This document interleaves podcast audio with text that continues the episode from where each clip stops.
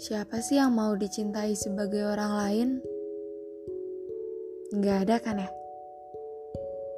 Nah, karena itu, karena kita nggak mau dicintai sebagai orang lain, makanya kalau cerita kamu sama masa lalu belum selesai, jangan coba-coba berani buat cerita baru.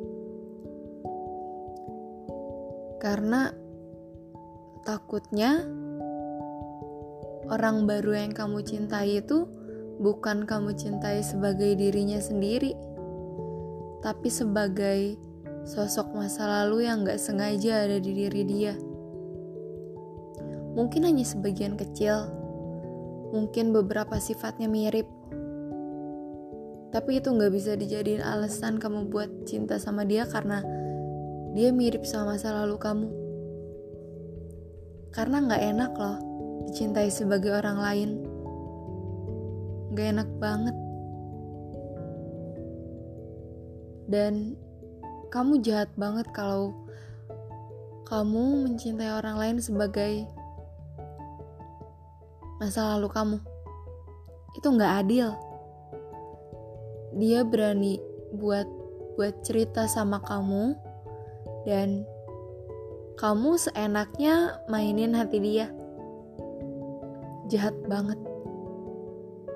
Mungkin kamu gak sadar. Aku pernah cerita ke temen. Aku yang gak sadar kalau aku masih terpaut sama cerita yang lalu. Dan kalian tahu dia bilang apa? Semua tokoh yang kamu ceritakan ke saya cuma jadi tempat pelarian. Karena akhirnya kamu kembali lagi ke cerita awal. Kembali menceritakan tokoh utama yang sengaja dilupain.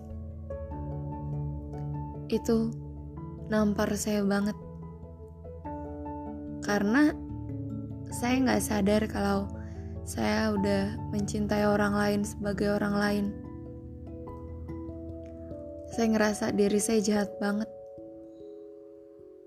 Dari situ, saya sadar banget kalau kalau emang belum bisa cerita sama orang lain tentang masa lalu kamu, sebenarnya nggak harus diceritain. Cuma kalau belum bisa move on yang beneran move on, bukan pura-pura doang, mending nggak usah karena kamu cuma nyakitin perasaan orang lain.